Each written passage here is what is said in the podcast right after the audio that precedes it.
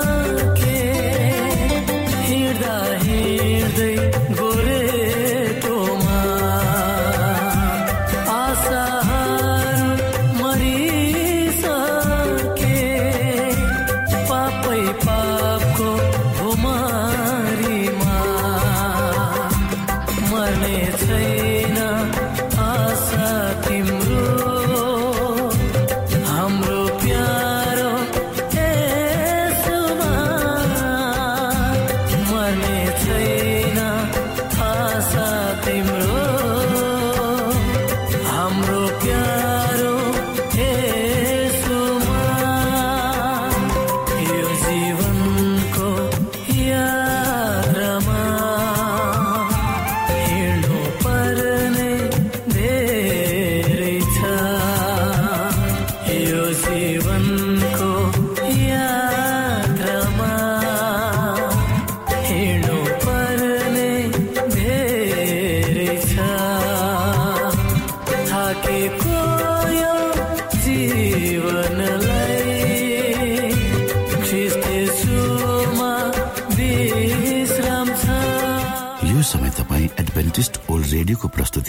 Voice of hope आशाको बाणी कार्यक्रम सुन्दै हुनुहुन्छ। तपाईँ आशाको बाणी कार्यक्रम सुन्दै हुनुहुन्छ।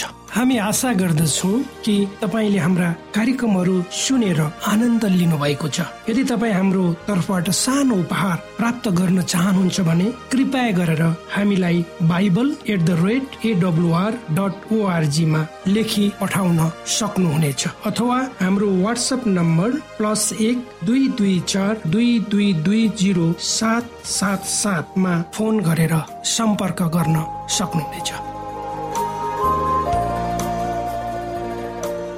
श्रोता मित्र यो समय हामी पास्टर उमेश पोखरेलबाट आजको बाइबल सन्देश सुन्नेछौ। श्रोत साथी न्यानो अभिवादन साथ म तपाईँको आफ्नै आफन्त अर्थात् पास्टर उमेश पोखरेल परमेश्वरको वचन लिएर यो रेडियो कार्यक्रम मार्फत तपाईँहरूको बिचमा उपस्थित भएको छु। मलाई आशा छ तपाईँले हाम्रा कार्यक्रमहरूलाई नियमित रूपमा सुनिरहनु भएको छ र परमेश्वरका आशिषहरू प्राप्त गर्दै हुनुहुन्छ। र परमेश्वरसँग जिउनु कति मिठो रहेछ भनेर आफ्नै जीवनबाट प्रत्यक्ष रूपमा अनुभव पनि गर्दै हुन्छ। श्रोत साथी आउनुहोस् तपाईँ हामी केही समय सँगसँगै परमेश्वरसँग बिताउँ।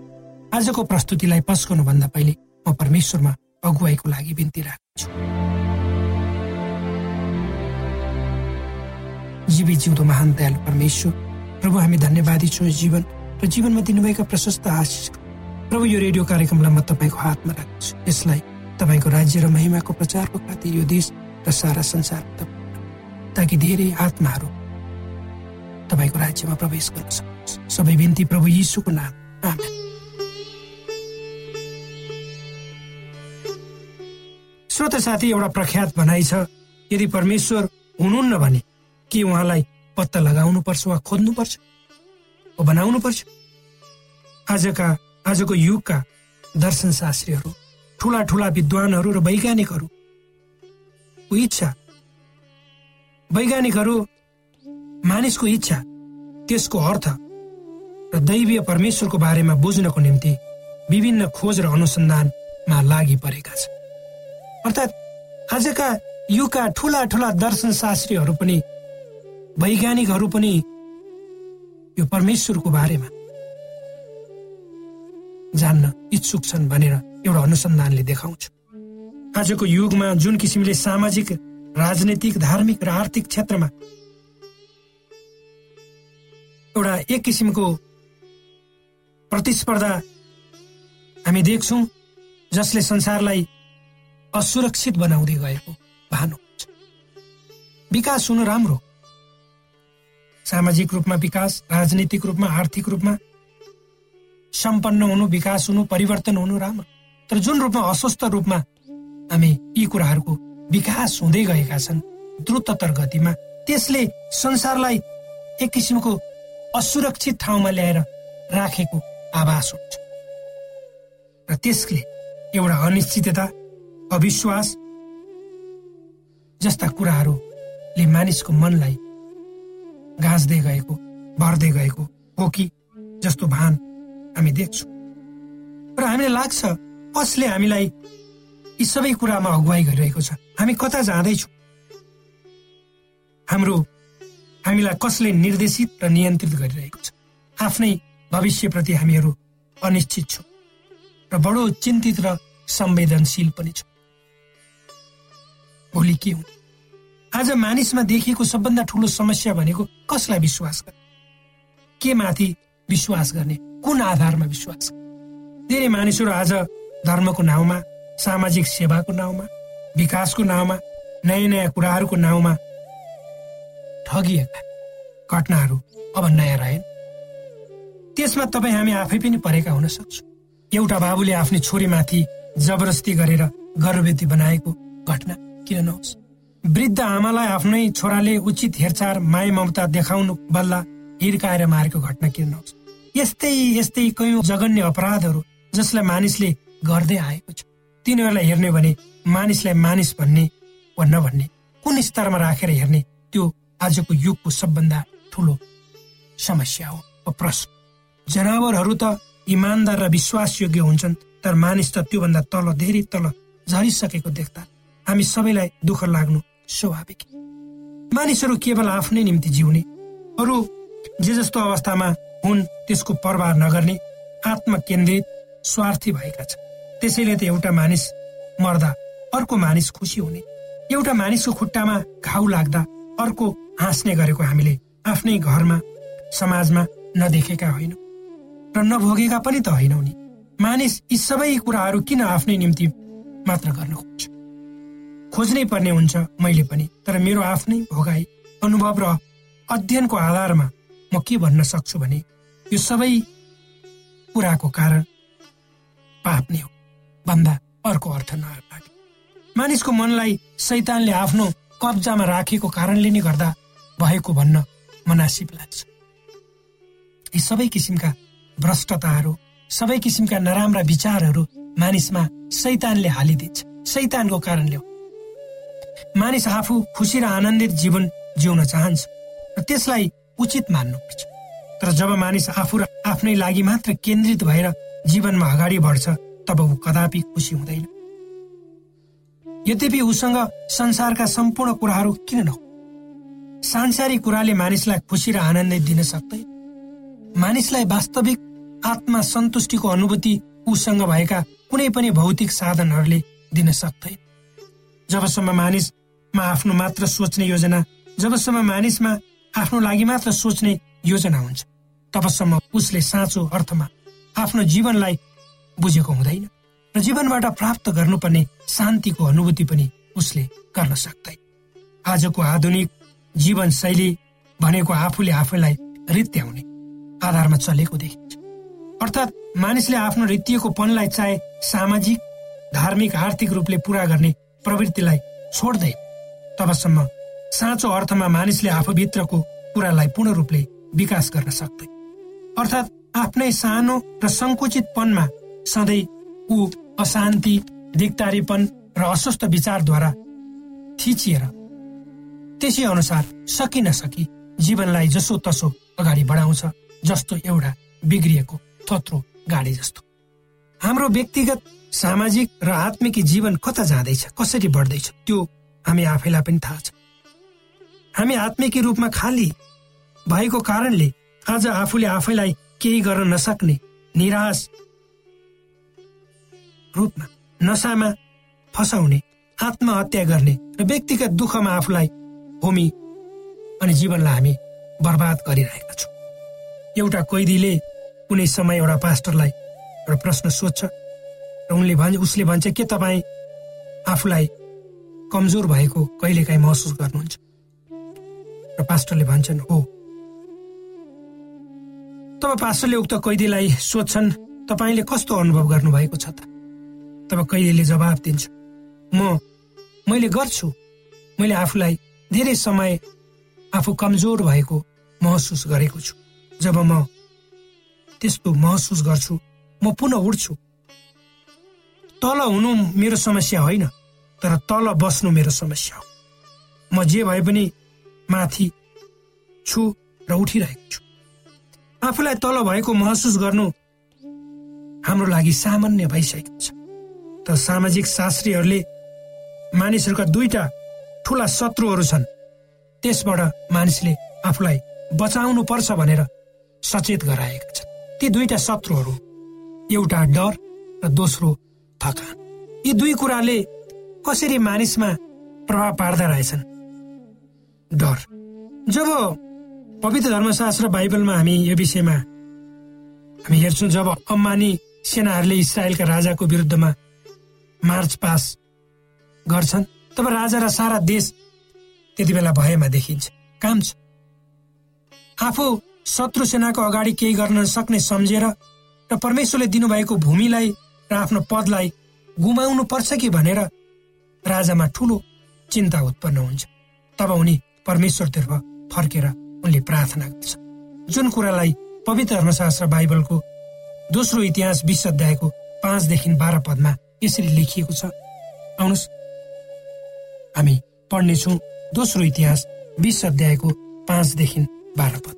यौदा र यरुसलेमका सभाको सामुन्ने परमप्रभुका मन्दिरको नयाँ चोकको अघि खडा भएर यो पातले भने हे परमप्रभु हाम्रा पुर्खाहरूका परमेश्वर के तपाईँ नै स्वर्गकामा विराजमान हुने परमेश्वर हुनुहुन्न? तपाईँ जाति जातिका सबै राज्यहरूमा शासन गर्नुहुन्छ? तपाईँकै हातमा शक्ति र बल छन्। तपाईँको सामना गर्ने कोही छैन। ए हाम्रा परमेश्वर? के तपाईँले नै आफ्नो प्रजा इसरायलको सामुबाट यस देशका बासिन्दाहरूलाई धपाउनु भएको र आफ्ना मित्र अब्राहमका सन्तानलाई सदा सर्वदाको निम्ति त्यो दिनुभएको होइन? तिनीहरू त्यसमा बास बसेका छन् र तपाईँका नाउँको निम्ति यसो भनेर एउटा वासस्थान बनाएका छन्। यदि विपत्ति हामीमाथि आइलाग्यो भने अर्थात् न्यायको तरबार वा रूढी वा अनिकाल पर्यो भने हामी यस मन्दिरको अघि जहाँ तपाईँको नाउँ छ र तपाईँको सामुन्य खडा हुनेछौँ। अनि हामी आफ्नो विपत्तिमा तपाईँलाई पुकार्नेछौँ र तपाईँले हाम्रो बिन्ती सुनेर हामीलाई बचाउनु मिश्र देशबाट आउँदा तपाईँले इसरायललाई अम्मोनी र मुआबीहरू र शेर पर्वतका मानिसहरूको देशमा पस्न मनाइ गर्नुभएको थियो। र यसैले उनीहरू यहाँ आएका छन्। इसरायलीहरूले उनीहरूलाई त्यसै छोडिदिए र उनीहरूलाई नाश गरेनन्। तर अब हेर्नुहोस् यी मानिसहरूले हामीलाई यस्तो बदला दिइरहेका छन्। तपाईँले हामीलाई अधिकार गर्न दिनुभएको जग्गादेखि उनीहरू हामीलाई धपाउन आइरहेका छन्। हे हाम्रा परमेश्वर तपाईँको न्याय तपाईँ गर्नुहुन्न र किनभने हाम्रो देशलाई आक्रमण गर्न आइरहेको यो ठुलो सैन्य दलको सामना गर्न हाम्रो केही शक्ति छैन। हामीले जे गर्नुपर्ने हो सो हामी जान्दैनौँ तर हामी आफ्ना आँखा तपाईँतिर उठाउँछौँ। हो श्रोता जसरी राजाले यहाँ प्रार्थना गर्छन् र भन्छन् हामीले जे गर्नुपर्ने सो हामी जान्दैनौँ तर हामी आफ्ना आँखा तपाईँतिर उठाउँछौँ। यदि तपाईँ हामी समस्याहरूमा छौँ हामीलाई लाग्छ हाम्रो शत्रुहरू यति बित्न छन् जसको हामी सामना गर्न सक्दैन। तपाईँ दुःखमा हुनुहुन्छ कष्टमा हुनुहुन्छ। शत्रुहरूद्वारा घोरिनु भएको थियो जसरी इसरायलीहरू घेरिएको छ। त्यति बेला आफ्ना आँखा हामीले परमेश्वरमा उठाउँछ। तपाईँले तपाईँको ठुलो आशा र दर्शनलाई डरले कब्जा गर्न नसकोस्। जब तपाईँमा कुनै कुराको भयले तपाईँ थिचिनुहुन्छ तब त्यस बेला उक्त भयबाट मुक्त हुन तपाईँ र मैले आफूलाई परमेश्वरमा फर्काउनु पर्छ उहाँतिर फर्कनुहोस्। रुनुहोस् कराउनुहोस्। र पुरानो नियममा हेर्ने हो भने परमेश्वरले इसरायलीहरूलाई बारम्बार उहाँको असल कुराको बारेमा स्मरण गराउँदै आउनुभयो। उहाँ चाहनुहुन्थ्यो कि उनीहरूले उनीहरूले शासन गर्न सकुन् र उनीहरूका मनमा भएका सबै किसिमका डर चिन्ता फिक्री र शङ्काहरूबाट उनीहरू मुक्त हुन्। त्यसकारण उहाँले उनीहरूलाई भन्नुभयो नडराओ त्यस ठुलो सैन्य दलदेखि नआत्ती हो किनभने लडाईँ परमप्रभुको हातमा छ अर्थात् उहाँको हातमा छ। तिनी तिमीहरूको हातमा होइन अर्थात् हाम्रो हातमा होइन। हाम्रा जीवनका लडाईँहरू जो हामीले लड्नु पर्नेछ त्यस समय त्यस बारेमा पनि तपाईँ हामी डराउनु पर्दैन। किनभने त्यो लडाईँ परमेश्वरले लड्नुपर्छ अर्को शब्दमा भन्यो भने हामीले भोग्नु पर्ने सांसारिक लडाईँमा यदि हामी परमेश्वरतर्फ फर्केर उहाँको सहायता खोज्यौँ भने परमेश्वरले भन्नुभएको छ चिन्ता नगर। त्यो मेरो काम र उहाँ त्यसको इन्चार्ज वा मुख्य व्यक्ति हुनुहुन्छ। र हामीले उहाँमा विश्वास मात्र गर्नुपर्छ जसले हाम्रा सबै कुराहरूको नियन्त्रण गरिरहनु भएको छ उहाँको उपस्थितिमा आफूलाई उभ्याउने र उहाँको प्रतिज्ञामा विश्वास गर्ने काम भनेको हाम्रो बाँकी काम परमेश्वरले गर्नुहुन्छ। श्रोत साथी परमेश्वर प्रेम हुनुहुन्छ र उहाँ तपाईँ र मेरो खातिर जे गर्न पनि तयार हुनुहुन्छ। अब जिम्मेवारी हाम्रो हामी परमेश्वरको प्रेमले आफूलाई भर्न चाहन्छौँ वा चाहन्नु। हामी परमेश्वरको त्यो प्रेमलाई ग्रहण गर्न चाहन्छौँ वा चाहँदैन। हामी आफ्नो खाली हृदय परमेश्वरलाई दिन चाहन्छौँ वा चाहँदैन। हाम्रा सांसारिक हृदय सँग परमेश्वरको हृदय साट्न चाहन्छौँ वा चाहँदैनौँ।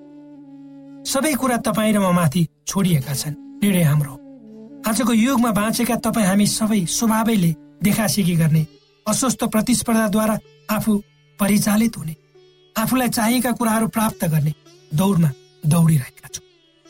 हामी अरूको ख्याल गर्दैनौँ। त्यसैले त आफ्नो लक्ष्य वा गन्तव्यमा हामी पुग्न नसके बिचै बाटोमा बाटो भुलेको यात्री झै बहुतारिरहेको हुन्छ। के तपाईँ त्यो अवस्थामा हुनुहुन्छ? हामी कता जाँदैछौँ? हाम्रो विश्वासको आधार केमा हरिएको छ? हामी किन यो संसारमा छौँ जस्ता महत्वपूर्ण प्रश्नको उत्तर मानिसले खोजिरहेको छ? तर त्यसको वास्तविक उत्तर पाउन सकेको छैन। किनकि ऊ यी सबै प्रश्नको उत्तर आफूमा खोज्न वा आफूबाट खोज्न चाहन्छ। यदि संसारमा भएका यी सबै कुराहरूको प्रश्नको उत्तर तपाईँले आफूमा होइन परमेश्वरबाट खोज्न सुरु गर्नुभयो भने निश्चय नै त्यसका उत्तरहरू तपाईँले पाउनुहुन्छ। के हामी केवल खान लगाउन बिहा बारी गर्न सन्तान उत्पादन गर्न मोज मजाको निम्ति केही समयको लागि यो पृथ्वीमा छौँ। एक दिन जब हामी मर्छौँ तब हामी हाम्रा सबै कुरा समाप्त हुन्छन् त? यो प्रश्न तपाईँ हामी सबैको लागि राख्दै आजलाई बिदा हुन्छु।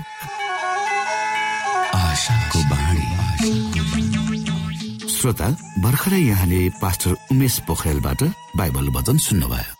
यो समय तपाईँ एडभेन्टिस्ट ओल्ड रेडियोको प्रस्तुति भोइस अफ होप आशाको बाणी कार्यक्रम सुन्दै हुनुहुन्छ। कार्यक्रम सुनेर बस्नुहुने सबै श्रोतालाई हामी हाम्रो कार्यक्रममा स्वागत गर्न चाहन्छौ।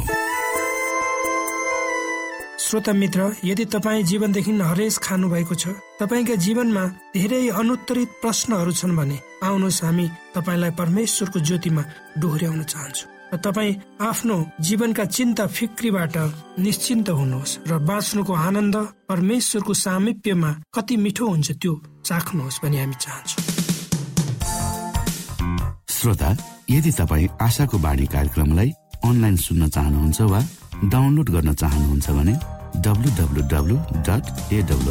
डट ओआरजीमा जानुहोस्। त्यहाँ तपाईँले प्रत्येक दिनको कार्यक्रम सुन्न र डाउनलोड गर्न सक्नुहुनेछ। हाम्रो वेब पेज यस प्रकार छ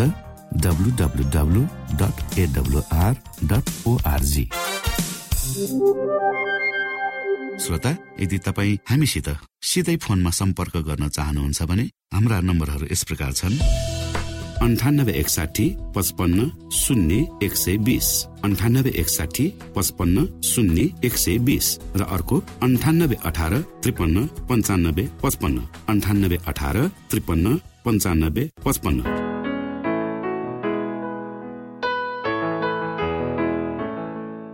यो एडभेन्टिस ओल्ड रेडियो हो। तपाईँ आशाको बाणी कार्यक्रम सुन्दै हुनुहुन्छ। यस सम्बन्धी थप जानकारीको लागि कृपया गरेर हामीलाई सम्पर्क राख्न सक्नुहुनेछ।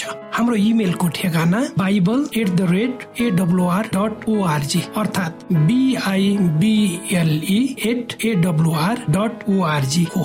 तपाईँ हामीलाई हाम्रो वाट्सएप नम्बर प्लस एक दुई दुई चार दुई दुई दुई जिरो सात सात सातमा पनि कल गरेर सम्पर्क राख्न सक्नुहुनेछ। अर्थात् प्लस एक दुई दुई चार दुई दुई दुई जिरो सात सात सात।